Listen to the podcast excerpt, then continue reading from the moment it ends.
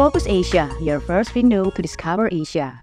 Good day, listener. You are listening to Focus Asia with me, Kalpina. This week, we have news from India, Vietnam, South Korea, and Indonesia. Firstly, let's hear news from India. Following a deadly clash three years ago, Indian Prime Minister Narendra Modi and Chinese President Xi Jinping agreed to intensify efforts to reduce tension along their disputed border. Modi and Xi discussed on the sidelines of the BRICS Economic Group meeting in Johannesburg, one day after the Chinese leader mysteriously skipped a key event. The contested border has been a persistent issue between New Delhi and Beijing, with China prevailing in the 1962 war. Since then, an ambiguous de facto border called the Line of Actual Control has separated these two nuclear powers. Modi underlined the importance of maintaining peace and tranquility in border areas and observing and respecting the lag for normalization of the India-China relationship. President Xi stressed that improving China-India relations served the common interests of the two countries and people. The meeting, which will be seen as a step toward meeting their fraught relationships, comes one week after India and China engaged in their 19th round of talks to resolve their border issue. Earlier this year, China boycotted an Indian hosted G20 tourism meeting in Jammu and Kashmir, objecting to the gathering's location in disputed territory. More recently, the two countries have seemingly cracked down on reporters and have few or no accredited journalists on the ground in each other's territory.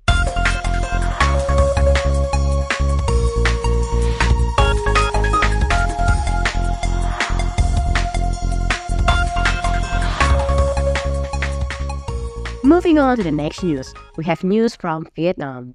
Vietnamese Prime Minister Pham Minh Chinh directed sectors and localities to strengthen the connection between expressways. The step was taken to improve investment efficiency and foster regional socio-economic development. The directive allocates resources from state and local funds to invest in the 1,729 km of expressways across the country.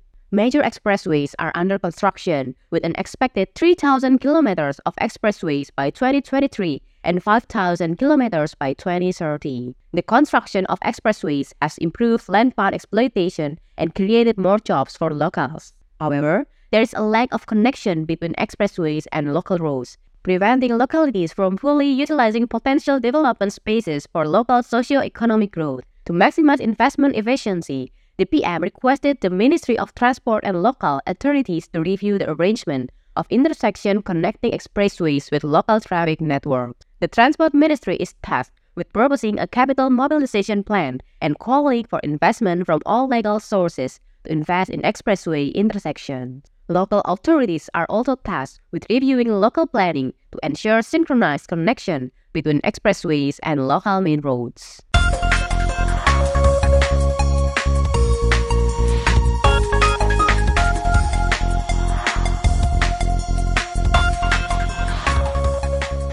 Next one, we have news from South Korea. South Korea is pushing the clean free trade agreement with seven emerging and high potential nations, including Kenya and Thailand. The effort aims to boost growth momentum and diversity its trade portfolio, the industry ministry said. The country is working to sign a bilateral economic partnership agreement with Kenya, Tanzania, Morocco, Thailand, Pakistan, Serbia, and the Dominican Republic and held a public hearing session in Seoul on Friday. An EPA is meant to establish a mutually beneficial trade network with partner nations beyond a simple market opening to cover a smaller scope of areas compared with the traditional free trade agreements. Seoul's Deputy Minister for Trade Negotiation believes seven nations have high growth potential and potential for mutually beneficial cooperation with Korea. Additionally, the nation can serve as bridgehead for Korea's trade network's expansion. Korea aims to clinch FTAs with more than 10 nations and a trade promotion framework with over 20 nations this year.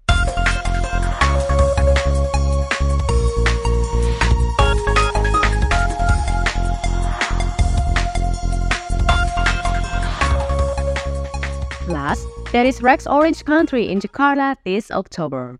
Rex Orange Country will be performing in Indonesia on October 14, 2023 at the Beach City International Stadium in Ancol, Jakarta.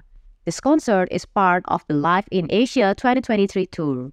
Tickets for Rex Orange Country's concert in Jakarta went on sale starting from June 16 at 11 a.m.